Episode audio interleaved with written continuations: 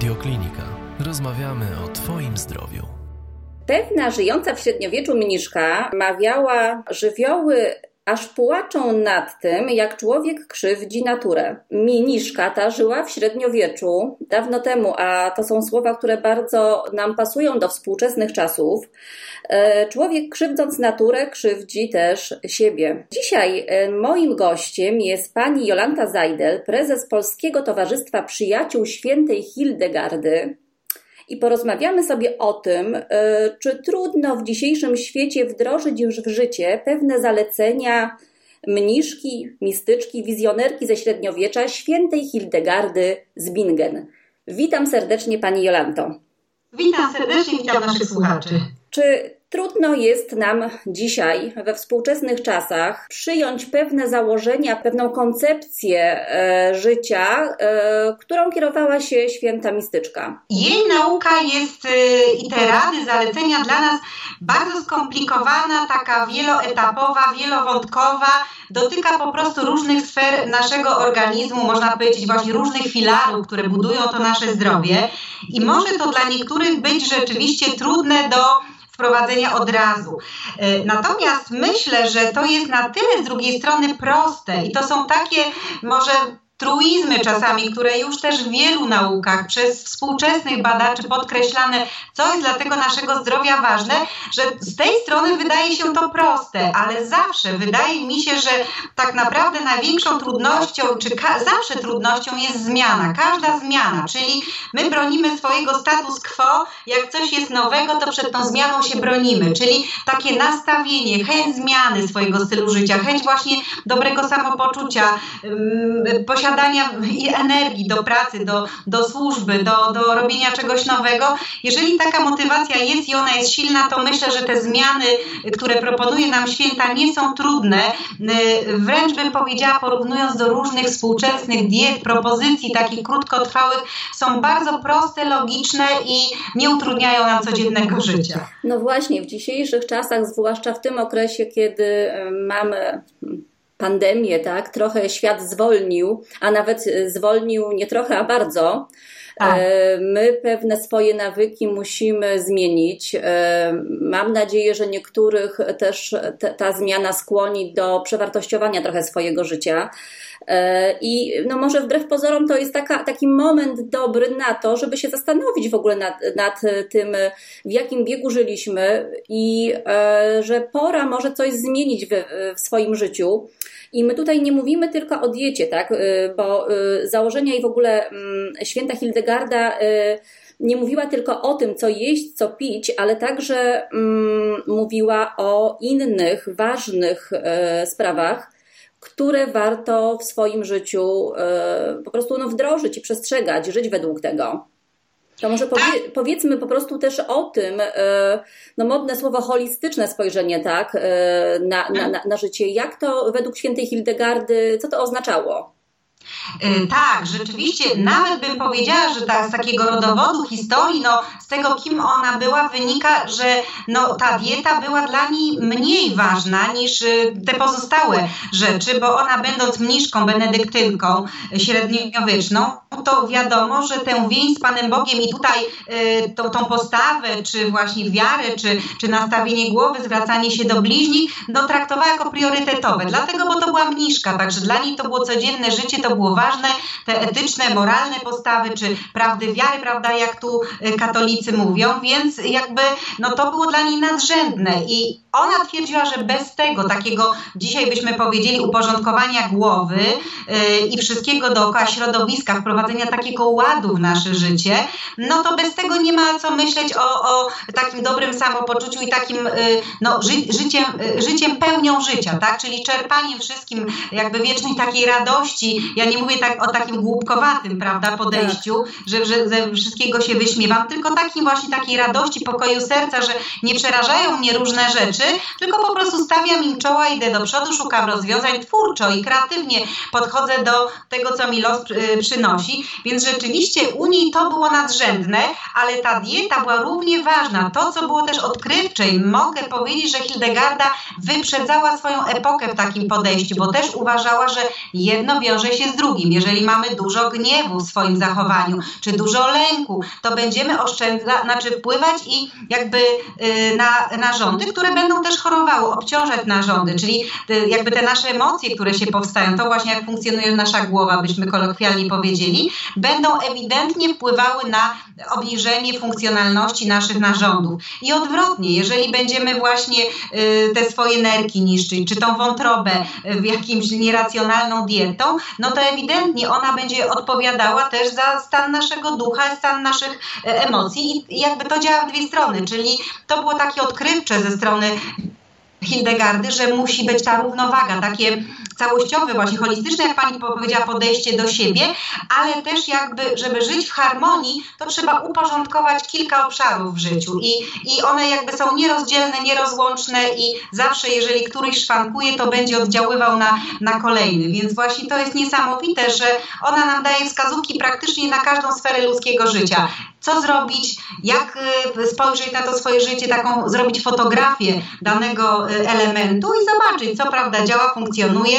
My też mamy taką skłonność, mówiąc mm, tak potocznie, też zamiatania pod dywan pewnych rzeczy, które no, życie nam pokazuje, czy coś jest nie tak, ale a to jeszcze małe, to jakby pomijamy takie rzeczy. A to już są według Hildegardy takie drobne sygnały na naszej drodze, które pokazują, że jakiś nieporządek się wytworzył w naszym życiu. Jeżeli my etapami nie będziemy się konfrontować, tak właśnie stawać w prawdzie ze sobą, bo my ludzie lubimy też siebie oszukiwać, prawda, i udawać, że nie widzimy, no to jakby one będą się gromadzić, no i wtedy jak już y, pojawią się, to naprawdę to może być dla nas bardzo bolesne. No właśnie, no generalnie generalnie współcześni naukowcy, którzy e, prowadzą badania e, nad związkiem przykładowo jelit z mózgiem, tak, dopiero dochodzą do wniosku, że jedno z drugim jest powiązane, a tutaj średniowieczna mistyczka po prostu miała tak nie, niebywałą wiedzę w tym temacie, aż, aż nieprawdopodobne. I e, no tutaj też dużo, coraz, coraz więcej się mówi o tym,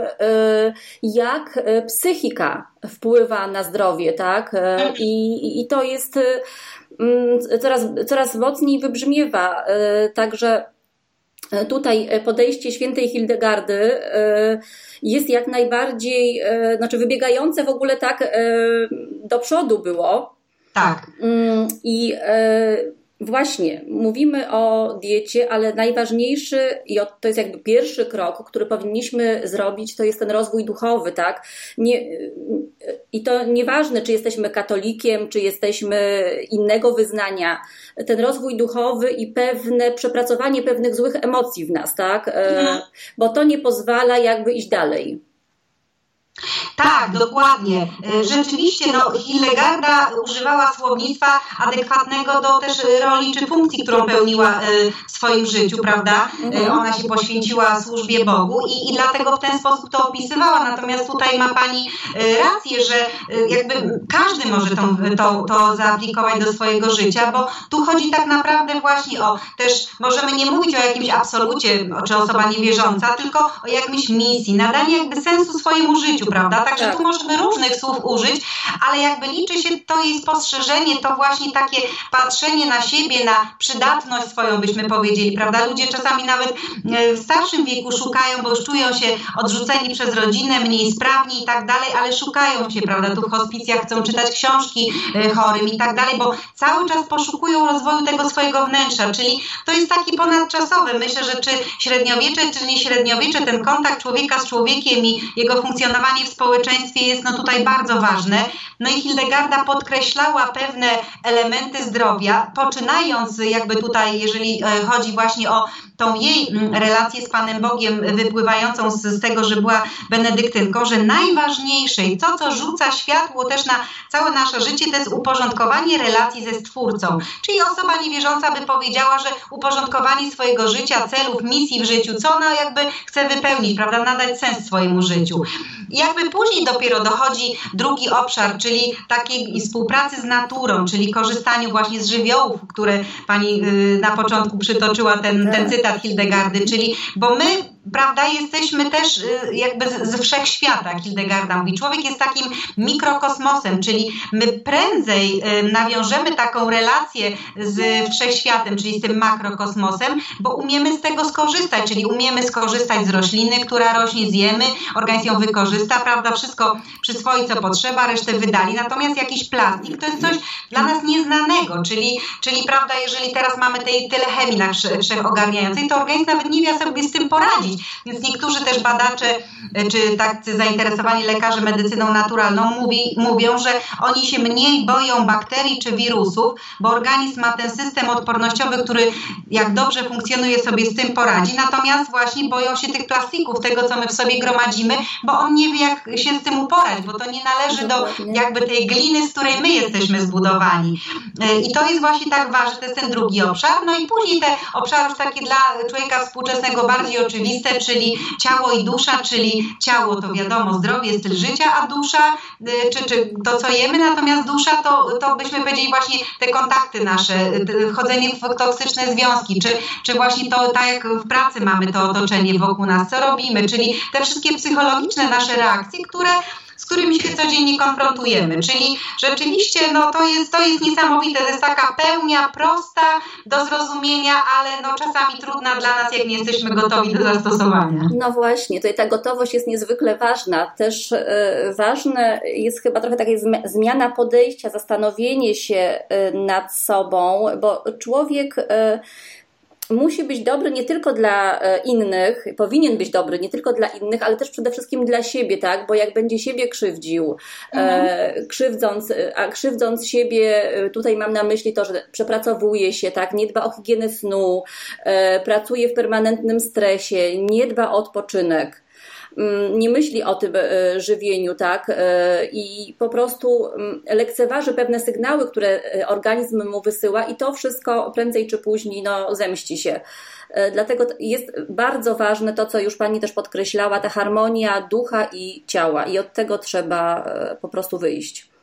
Tak, zdecydowanie. Właśnie tutaj chodzi o to, żeby y, uporządkować to życie wokół, ale oczywiście zaczynając od siebie, bo człowiek, który właśnie siebie nie kocha, nie jest w stanie tej miłości dać innym, prawda? Jeżeli tak. człowiek jest chory, ociężały, coś go cały czas boli, to też jest wiadome, że on się będzie sobą zajmował, szukał pomocy dla siebie i wszystko inne odłoży, bo to będzie dla niego kluczowe, czyli nie będzie w stanie, prawda, yy, odrobić pracy domowej z córką, bo jak będzie w złym stanie i tak dalej, czy tam z, z, z dzieckiem, prawda, no to nie, nie jest w stanie ani się skupić, ani się nad tym skoncentrować, ani nawet chcieć poświęcić czasu. Czyli jakby od, od razu wszystko jak kostki domina się sypie, czyli no to jest kluczowe, żebyśmy my byli y, zdrowi, żeby po prostu móc też dawać siebie innym w jakimś tam mniejszym bądź większym stopniu, czy na tej ziemi zostawić jakieś właśnie twory takie, które, które gdzieś po nas y, zostaną się komuś przydadzą. Więc rzeczywiście jakby to jest kluczowe, żeby się zająć sobą, y, a my często tak jak prawda samochód do, na przegląd idzie zgodnie z tam książką, bo wiemy, że to trzeba zrobić, bo później włożymy dużo więcej pieniędzy, jak coś przegapimy, to niestety siebie najczęściej najgorzej traktujemy albo po prostu się boimy skonfrontować z tym, co, mm, co możemy usłyszeć od lekarza, czy, czy zobaczyć w wynikach badań. Także to jest czasami takie właśnie zupełnie nielogiczne, ale no tak mamy po prostu jako ludzie. No tak, mamy zakorzeniony taki strach e, w sobie, tak, co będzie, więc e, wolimy czasami żyć w tym strachu niż poznać e, prawdę i coś zmienić. Tak, bo to jest też ciężkie, prawda? Przyjąć tą prawdę. No też są ważne te proporcje, tak, między naszą pracą, życiem zawodowym, a odpoczynkiem, e, też czasem dla rodziny, bo to tutaj też szwankowało. Znaczy Hildegarda pięknie, w zasadzie ona tak tego nie nazwała jako taki program zdrowia, tylko y, jakby jej spadkobiercy, można powiedzieć, którzy korzystają z dzieł ze spuścizny Hildegardy, z tego całego dziedzictwa, y, czytając te dzieła uporządkowali to i w taki i uprościli, żeby, żeby było łatwiej nam stosować y, naśladowcom właśnie, czy, czy tym, które, osobom, które chcą czerpać z nauk Hildegardy, y, to takie, takie reguły proste właśnie, to co Pani wspomniała, czyli oczywiście dieta, korzystanie z tych żywiołów, które, które natura nam daje, czyli prawda, wychodzenie na dwór, korzystanie z zieleni, czy, czy z wody, która jest, to, to wszystko na człowieka wpływa tak też neutralizująco, jeśli chodzi o stres, czy powietrze, powietrze, prawda, jak nie, nie jesteśmy dotlenieni, to wszystko zaczyna źle pracować. Czy właśnie ten odpoczynek, to nasze przepracowanie, to wszystko, ona była benedyktynką, jest taki umiar, właśnie ta ora et labora, jak się mówi właśnie, także oni jako benedyktyni mają to bardzo fajnie uporządkowane i ona myślę, że też jako benedyktynka w ten sposób o tym mówiła, że każdy, każdy dzień musi mieć pory, odpowiednie pory na wszystko, prawda? Na jedzenie, na modlitwę, na odpoczynek, na relaks. Wszystko musi być mm, uporządkowane, czyli taki ład musimy mieć dookoła, żeby też organizm wiedział, jak się w tym wszystkim odnaleźć, bo w chaosie wiadomo trudno mm, jest też o zdrowie. Wobec tego właśnie ten e, sen odpoczynek, ale też proporcji właśnie pracy, mm, e, czyli, czyli żeby to nie było tak, że jesteśmy pracocholikami e, i non stop gdzieś też ta praca jest nadrzędna, tylko żeby znaleźć taki czas też dla siebie, dla rodziny właśnie, żeby to wszystko uporządkować. No i oczywiście mm, u niej ważne też oczyszczanie organizmu. I, i to jest niesamowite, że średniowieczna mniszka też y, o tym już wspominała. Oczywiście mm, ten punkt nabiera troszkę innego wymiaru, bo za czasów Hildegardy był problem bardziej z mm, higieną, prawda, czyli z takimi można powiedzieć chorobami y, ostrymi, czyli ktoś się jakiejś tam wody napił, gdzie była jakaś bakteria, prawda, czyli szybkie, takie ostre schorzenia, jakieś zatrucia, natomiast my współcześnie też mamy problem z zatruciem, natomiast ono jest troszkę inne, czyli ono jest bardziej takie y, przewlekłe, wynikające właśnie z, z tego, co środowisko nam przynosi, czy z chemizowanej żywności, więc zdecydowanie trudniej się z tym uporać, dlatego, bo żeby wyrzucić metale ciężkie z organizmu, czy jakieś właśnie pozostałości po pestycydach, herbicydach, czyli wszystkich tych środkach współczesnych właśnie, które, które przy rolnictwie są wykorzystywane, jest znacznie trudniej, więc my jesteśmy w gorszym stanie niż za czasów Hildegardy ludzie byli, chociaż no, mamy więcej narzędzi, więc też, też jest to ten pozytyw. No więc oczyszczanie było bardzo kluczowe. Ona na różne y, też takie narzędzia zwraca uwagę, począwszy od ziółek, czyli tutaj wspominała o takim pięknym y, ziółku o nazwie przebłoga górska, że to jest czyści nasze jelita tak jak garnek z pleśni się czyści, że jest, ma siłę, niedźwiedzią siłę, czyli, czyli pokazywała w taki sposób obrazowy, jak potężne działanie jest tego zioła. Po takie y, narzędzia jak bańki, czy bańki cięte, krwawe, inaczej się mówi, czyli żeby jakby te stany zapalne czy nagromadzone toksyny wyciągać poza organizm, czy chociażby post, czyli ograniczenie jedzenia, żeby z tych złogów, które są w organizmie, gdzieś odłożył organizm, jakby je zutylizować i z organizmu wyprowadzić, żeby odciążyć ten organizm, czyli to oczyszczanie. No i ostatnia rzecz, o której też już wspomniałyśmy, ale ta, ta nasza postawa, czyli ta nasza głowa, i podejście, ona mówiła o takich postawach prozdrowotnych i takich postawach, które nas niszczą, czyli cnoty i wady. Czyli mamy postawy właśnie takie, y, ale w rozumieniu właśnie cnota, w rozumieniu takiej postawy właśnie adekwatnej, prozdrowotnej i żebyśmy wszystkie te nasze wady, te nasze właśnie postawy negatywne zamieniali, rozpoznali, zamieniali na postawy takie pozytywne, czyli prozdrowotne. I my rzeczywiście w stowarzyszeniu mamy wielu lekarzy, którzy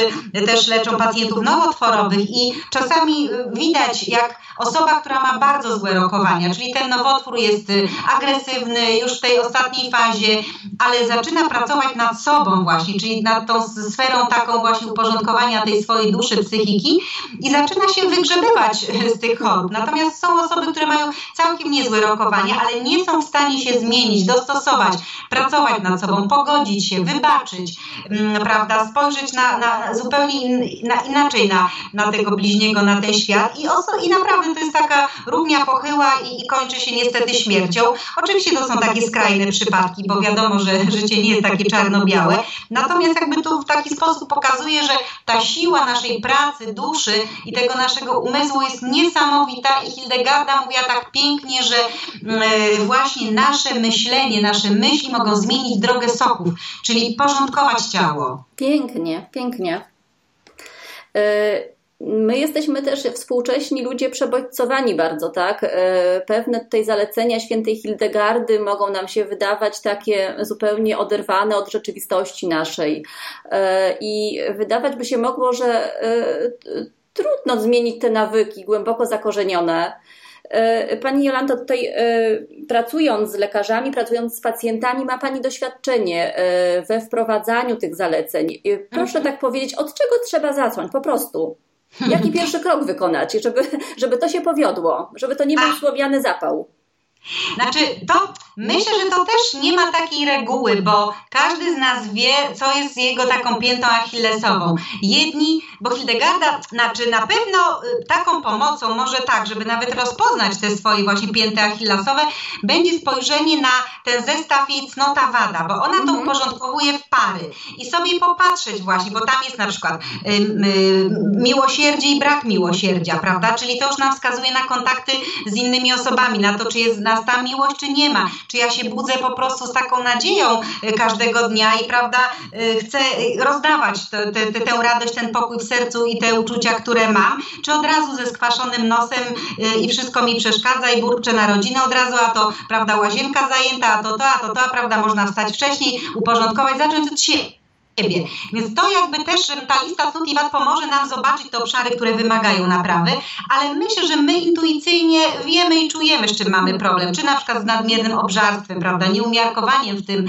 e, jedzeniu i, i wrzucaniem sobie na talerz cały czas e, nowych rarytasów i, i jakby, że nasze życie się wokół tego e, kręci. Więc ja myślę, że najważniejsze to jest rozpoznanie tych naszych obszarów, które wymagają uporządkowania. One mogą dotyczyć czy psychiki, czy właśnie tych spraw takich typowo, y, typowo związanych z dietą, ze stylem życia, ale jak od tego wyjdziemy, to wtedy wiadomo, to coś, co nas najbardziej tak jakby ciągnie y, w dół, będzie nas najbardziej obciążało. Y, my nie widzimy tego, nie umiemy tych algorytmów czasami nazwać, czy zobaczyć, prawda, od tego dochodzimy do tego, ale wiemy, że po prostu to bardzo silnie oddziałuje, bo, bo jak no już teraz współcześnie się mówi o tym, że wszystko jest połączone, tak jakby ta jelita z głową, prawda, zupełnie przeciwstawne dwie rzeczy. Tutaj mamy myślenie, mózg, prawda, tutaj jelita. Więc y, y, rzeczywiście, jeżeli znajdziemy te swoje takie dwie, trzy rzeczy i zaczniemy pracować, czy to będzie właśnie praca z dietetykiem i z sobą i, i z, z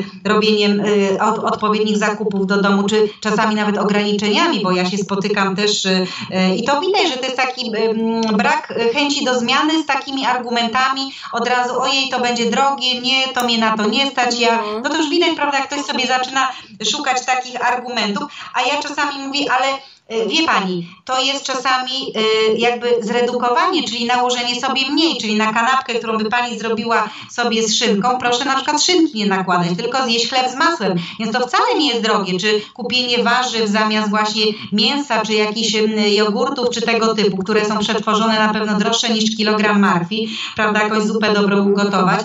Więc to są takie właśnie opory ludzi e, i musimy rozpoznać jakby co, co jest i stanąć w prawdzie, bo żadnego nie będzie progresu, nie będzie żadnego takiego no, y, widocznego efektu, jeżeli my nie zaczniemy od tych rzeczy, które najbardziej nam tu przeszkadzają. I to mogą być różne, bardzo różne, ale mhm. też Hildegarda w tym swoim programie pokazuje nam, co to mogą być za rzeczy, czyli patrzymy na te filary zdrowia, rozpoznajmy, znajdujemy, po, znajdujemy sobie też osoby do pomocy, prawda, bo jeżeli to będą jakieś duchowe rzeczy, nieprzepracowane, niewybaczone. Może trzeba będzie iść do kapłana, może trzeba będzie iść do jakiegoś psychoterapeuty, prawda, który nam pomoże, bo niektórych rzeczy nie jesteśmy w stanie nazwać i zacząć pracować. No z dietą jest prościej, ale też czasami tych diet jest tyle, tysiąc różnych propozycji no współcześnie, że też nie wiemy, co wybrać. No właśnie, czyli zaczynamy od szczerego postanowienia poprawy, jak to tak, się dobrze dokładnie. nazywa. to jest kluczowe. Y, pani Jolanto, dzisiaj na pewno nie omówimy wszystkich aspektów aspektów związanych z dietą, ale takie podstawowe zalecenia, e, chociaż wspomnijmy, bo e, mam nadzieję, że to będzie taki pewien cykl rozmów. Mm, natomiast no, takie podstawy pod, podstaw Aha. w diecie świętej Hildegardy. Jasne. Znaczy tak, to co może być też um, bardzo kontrowersyjne, to powiem tak, że ona mówi, żeby jeść wszystko ciepłe, przetworzone, nie surowe. Czyli teraz te wszystkie ruchy, prawda, frutarianie i tak dalej, paleo, to wszystko jest takie, powracamy do natury. Natomiast u Hildegardy jakby to jest takie, takie najważniejsze, myślę też zalecenie, że jemy wszystko jakby ciepłe i przetworzone. Oczywiście, jeżeli będzie lato, to możemy jakoś sałatę jeść, bo Hildegarda też do niej zaleca, ale też musimy ją zmacerować, czyli, czyli yy, ona mówi, że troszkę uspokoić te soki, które w niej są, prawda, bo tak pięknie opisuje, bo ona miała ten wgląd i widzi na przykład jak rośnie jabłoń, jak rośnie grusza, że na przykład grusza dojrzewa w nocy, prawda? I dlatego te soki, które w niej płyną są raniące dla płuc. Natomiast dlatego trzeba ugotować gruszkę. Ale na przykład jabłko dojrzewa w porannej rosie i możemy jeść je surowe. Czyli ona ma takich kilka produktów surowych, ale co do zasady powinniśmy jeść to przetworzone. Ja nie mówię, że ukatrupione na śmierć, przepraszam może za porównanie, że mamy gotować te warzywa nie wiadomo ile, i korzystać z tej nauki współczesnej, która mówi, prawda, że niszczą się witaminy, enzymy i tak dalej, czyli jakby jak najmniej obrabiać, ale jednak podać to naszym chorym przewodom pokarmowym, bo muszę powiedzieć, że naprawdę znaczna mm, część ludzi współcześnie ma też te chore przewody, dysfunkcyjne przewody pokarmowe i nawet jak my zjemy tą surową marchewkę, to organizm nie będzie w stanie jej przyswoić. Y, i tych wszystkich witamin, enzymów i tak dalej, tylko po prostu y, wyrzuci to poza i niewiele z tego skorzystamy, więc nawet nawet przy procesie obróbki, troszeczkę jak my ją podgotujemy, czy, czy w jakiś inny sposób ją przygotujemy, to on sobie z tego bardziej skorzysta, prawda? Czyli jakby to jest podstawowa zasada. No i jeżeli chodzi o asortyment, to no, są wyjątki właśnie, że to jabłko, czy pigwę, y, czy koper włoski możemy też jeść na surowo. Y, natomiast jakby podstawą diety powinny być kasze. U niej to są zboża, zboże orkiszowe, które ona najbardziej ceniła. Jest też tłuste, czyli jakby oczywiście ma te węglowodany złożone, natomiast głównie chodzi o to, że też jest tłuste, czyli daje nam energię, daje nam ciepło w naszych szerokościach klimatycznych. Hildegarda też była Niemką, prawda, czyli bardzo blisko nas, bo ja też boję się takich diet, które są na przykład prawda, śródziemnomorskie, czyli już też wiadomo, że my nie mamy niektórych enzymów, czyli ten garnitur enzymatyczny, który jakby pomaga strawić bezresztkowo i przyswoić w 100% jedzenie, bo my żyjemy z tego, co strawimy i przyswoimy, a nie z tego, co zjemy, prawda, i poczujemy tak. sytość. Czyli jakby my musimy mieć taki garnitur, który, ten enzymatyczny, który nam skorzysta z tych wszystkich potraw. No i wiadomo, że południowcy mają inny, a my tutaj w tych klimatach mamy inny. Więc jakby jemy też to, co rośnie obok nas, mm, jakby to, to co mówi się nawet tutaj współcześni, mówią, prawda, że 50 kilometrów dookoła to jest to, co najoptymalniejsze jest dla nas, no ale myślę, że możemy to troszkę rozszerzyć, to też sobie z tym poradzimy.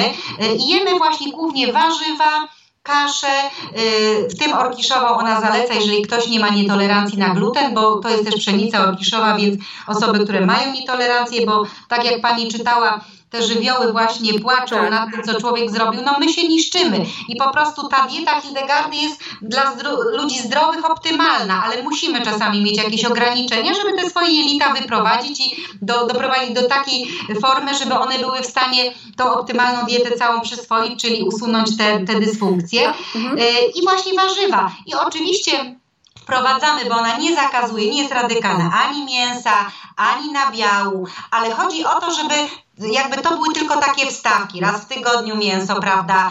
Mamy tego nabiału trochę, czyli nie jemy na przykład produktów mlecznych typu zupa na mleku z płatkami, tylko po prostu używamy na przykład śmietany kwaśnej do zabielenia zupy, czyli jako dodatek, a nie jako dania główne, bo my czasami to sam nabiał jemy jako dania główne, czyli u niej bazą są warzywa, owoce, orkisz, y, plus inne oczywiście kasze, y, ciepłe, ugotowane y, i tu muszę powiedzieć, że ona bardzo dużo ma takich podobieństw z medycyną chińską, a proszę zobaczyć, że ona też ma 4 czy tam 6 tysięcy, tysięcy lat, też różnie określa się ten początek.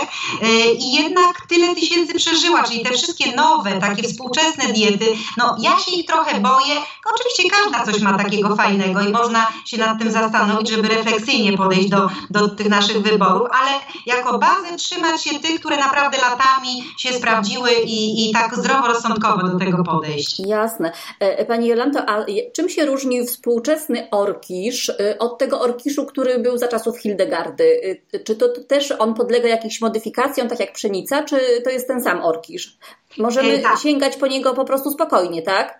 Znaczy, ule, specjalne... tak, mhm. znaczy Hildegarda, znaczy Hildegardiańscy jakby um, naukowcy czy lekarze zalecają te prastare odmiany, czyli właśnie te niezmodyfikowane, bo chodzi o to, że on mają i też genetycy o tym mówią, jakby inne też geny, inną strukturę tego glutenu e, i tak naprawdę on nie jest taki inwazyjny, czyli te wszystkie krzyżówki e, właśnie, które są już pokrzyżowane z pszenicą, no będą na pewno nas bardziej obciążały, czyli szukamy takich w internecie czy w literaturze można znaleźć, ale takie na przykład jak Oberkulmer Rotkorn, Ostro, Schwabenkon, Frankenkorn, to są takie stare odmiany właśnie, które są dla człowieka najlepsze. Odmiana Frankenkorn i Schwabenkkorn bardziej popularna, bo ona jest bardziej wydajna. Mhm. Oberkurme Rotkorn jest najmniej chyba taki wydajny i w niego nawet hildegardowcy tak rzadziej wchodzą, dlatego, no bo wiadomo, zawsze ekonomia się liczy, prawda? Jak z pola zbiorą nawet niecałe dwie tony, z hektara, no to wiadomo, że on i, i drogi musi być i, i się może nie sprzedać, no i, i, i ten rolnik też mniej zarobi. Yy, więc te, te odmiany Schwaber, i Franken, to jest tak zwana chyba krzyżówka zwrotna, czy, czy jakoś tak się fachowo to nazywa i on jest troszeczkę pomieszany z pszenicą, tam mówi się, że do jednej ósmej ma mm, też tej pszenicy, czyli osoby, które na przykład mają nietolerancję na pszenicę, raczej powinny używać tych gatunków takich jak ten Oberpulmer Rotkorn, ale jakby wszystkie te odmiany, te pratary są dla człowieka przyswajalne, takie odżywcze i naprawdę czasami my też badamy różne ziarna i zboże, to się okazuje, że białko dochodzi w ogóle do 20%, więc to jest niesamowite jak na, jak na zboże, więc naprawdę to są bardzo odżywcze zboża i, i, i tu spokojnie można, mhm. y, można y, na tym orkiszu przeżyć. Y, taką bazę wiedzy może, możecie Państwo znaleźć właśnie na stronie tak, u Państwa hildegardaedu.pl I tam też są opisane, i tam jest chyba też sklep internetowy, z tego co pamiętam, tak? U Państwa? Znaczy, tak, znaczy, bo wśród naszych członków, bo my też jakby no, robimy taki odsiew, można powiedzieć kolokwialnie, sklepu, bo jak zaczyna się moda, to jakby wszyscy też na tej modzie chcą coś tam się podłączyć, prawda? Jakby tu nikogo jakby nie chce oceniać, ale no to jest tak naturalnie, człowiek tak naturalnie ma, więc rzeczywiście tych propozycji coraz jest więcej i my też sprawdzamy, prawda, czy tak samo mamy tam piekarza, który rzeczywiście ciągnie ten orkisz y, z Niemiec i, i mamy pewność, że, że ten orkisz jest y, taki, jak powinien być, prawda? Więc, więc rzeczywiście tam wśród naszych członków i firmy rekomendujemy y, te, te, które są sprawdzone, mają certyfikaty, bo to wszystko trzeba, prawda, w internecie zbadać. Czyli no myślę, że mhm. więcej tych firm, ale trzeba po prostu pytać, prawda, pytać, nauczyć się, jakie to są odmiany, jak to wszystko wygląda i zadawać pytania, pytać, nie dać sobie, prawda, tutaj wcisnąć tak, że to jest super, hiper, tylko zobaczyć certyfikat, e, mieć pewność, bo jak wydajemy już naprawdę nie jest tani. Więc jak wydamy już powyżej tej, tych 10 zł na, nawet za kilogram mąki, to naprawdę, żebyśmy mieli świadomość, że to jest to, czego chcemy, bo później też yy, okazuje się, że a mi nie pomogło, prawda? No ale trzeba tak. sprawdzić, czy ta ilość substancji czynnej, to tak jak w ziołach, prawda? Jeżeli one nie rosną w słońcu, gdzieś y, w takich warunkach, jak powinny być, to ta ilość substancji czynnych jest też mniejsza. W biodynamicznych uprawach też tych substancji jest zdecydowanie więcej, więc, więc naprawdę jakość tu się bardzo liczy. Jasne, jasne. Y, my wrócimy jeszcze do tych tematów, natomiast ja jeszcze chciałam Panią e, spytać e, o tą dietę. E, najważniejsze w ciągu dnia jest śniadanie, prawda? Mhm. Jak ono powinno wyglądać właśnie według zaleceń świętej Hildegardy? Co sobie możemy przyrządzić jako taki właśnie pierwszy, najważniejszy posiłek w ciągu dnia? Tak, Hildegarda mówi, że śniadanie nie, nie powinno być wczesne. Oczywiście to wszystko zależy też od kondycji osób, prawda? Czy jak są osoby starsze, czy dzieciaki, które rosną, muszą wyjść do szkoły, no to jedzą wcześniej to śniadanie. Ale rzeczywiście, i to pokrywa się z takim współczesnym trendem też takiego okna żywieniowego, że jemy w okienku 8 godzin, a 16 mamy taki post, prawda? Mhm. Żeby jakby te, te resztki, które mamy, y, organizm sobie z nimi poradził, je przetrawił i, i żeby to jedzenie nam właśnie służyło. Nie obciążało nas. I Hildegarda też właśnie mówi o takim późnym śniadaniu, ale powinno być ciepłe, czyli u taka, taka poranna zupa śniadaniowa, tak bym powiedziała, nazywa się habermusem i e, zachęca do tego, że właśnie to odżywcze ziarno orkiszu w różnej postaci. Ktoś może płatki woleć grysik, czyli dzieciaki na przykład uwielbiają grysik, czyli taką kaszkę manną, prawda, którą mhm. my jeszcze pewnie w dzieciństwie pamiętamy, jadłyśmy, więc y, bo y, to, to właśnie to mogą być wtedy właśnie takie kasze na, na grysiku, mogą być na płatkach orkiszowych, mogą być na, na łupanym ziarnie, mogą być na ziarnie. Zależy kto jaką formę preferuje swojej woli, czy bardziej gryźć, czy bardziej rozdrobnioną, rozgotowaną. I sobie do takiej zupy dodajemy zioła, bo u Hildegardy zapomniałam jeszcze powiedzieć, na, też bardzo ważne jest stosowanie w codziennej kuchni ziół, czyli naprawdę szerokiego asortymentu ziół. Yy, takie kluczowe zioła u niej to jest bertram, galgan, właśnie cynamon, który też współcześnie już ma bardzo wiele badań. I właśnie w tej zupie porannej habermusie, ona, czyli co, powinno być to taką codzienną praktyką, zaleca właśnie wsypywanie bertramu, galgantu, czyli mamy bertram, cały zabezpiecza nam przewód pokarmowy. Już nie chcę tutaj się dokładnie rozwodzić, może mhm. kiedyś będzie e, czas. Galgan, który rozszerza nam naczynia. Niemcy mówią, że działa tak troszeczkę jak taka nitrogliceryna, czyli prawda, dotlenia e, nam te, te nasze komórki, plus cynamon właśnie, który też porządkuje cukier, prawda, we krwi. No i wiele innych już, e, już takich nawet przebadanych właściwości cynamonu. I ostatnim ziółkiem, które ona każe dodawać do tej kaszy, to jest babka płesznik, czyli też wyściela nam ten, ten właśnie śluz taki, prawda, y, czy, czy właśnie yy, poprawia perystaltykę, żeby właśnie uspokoić te nasze jelita i o nie zadbać, bo one są kluczowe też w podnoszeniu odporności i w ogóle posiadaniu odporności reaktywnego organizmu, więc to są takie cztery kluczowe zioła, troszeczkę miodu słodzimy do tego i, yy, i ucieramy jabłuszko właśnie, bo u niej jabłko to jest takie no, bardzo ważny owoc, więc, y, więc do tego jabłko na wodzie i to jest taka zupa śniadaniowa, od której powinniśmy zaczynać każdy dzień. Jeżeli mamy taki typ białkowo-tłuszczowy, że szybko możemy być głodni po czymś takim, to sobie można jakiegoś oleju dodać już do takiej troszkę przestudzonej tej zupy, prawda? Czy masła klarowanego, więc tutaj naprawdę możemy super się zabezpieczyć i tak zacząć śniadanie. Dzień. Super. Te zioła dodajemy, rozumiem, do każdego posiłku, tak? Te warto, znaczy ona mówiła o y, kaszy śniadaniowej, natomiast Bertram Galgant możemy dodawać do każdego posiłku. Jeżeli ktoś ma na przykład zaparcia, czy ma problem z właśnie z przewodem pokarmowym, z jelitami, to babkę płasznik też może wziąć sobie częściej, natomiast trzeba wtedy uzupełniać picie, bo ona pęcznieje, wyciąga nam wodę po prostu i żeby tutaj sobie nie zrobić też krzywdy, y, to trzeba po prostu, y, jak jemy łyżeczkę babki płasznik, to sobie wtedy pijemy szklankę wody i jakby to będzie zabezpieczone, uzupełnione. Także e, mhm. i będzie pomagało nam właśnie regulować te nasze wypróżnienia. Okej, okay. i po takim śniadaniu robimy sobie przerwę ile godzin do obiadu?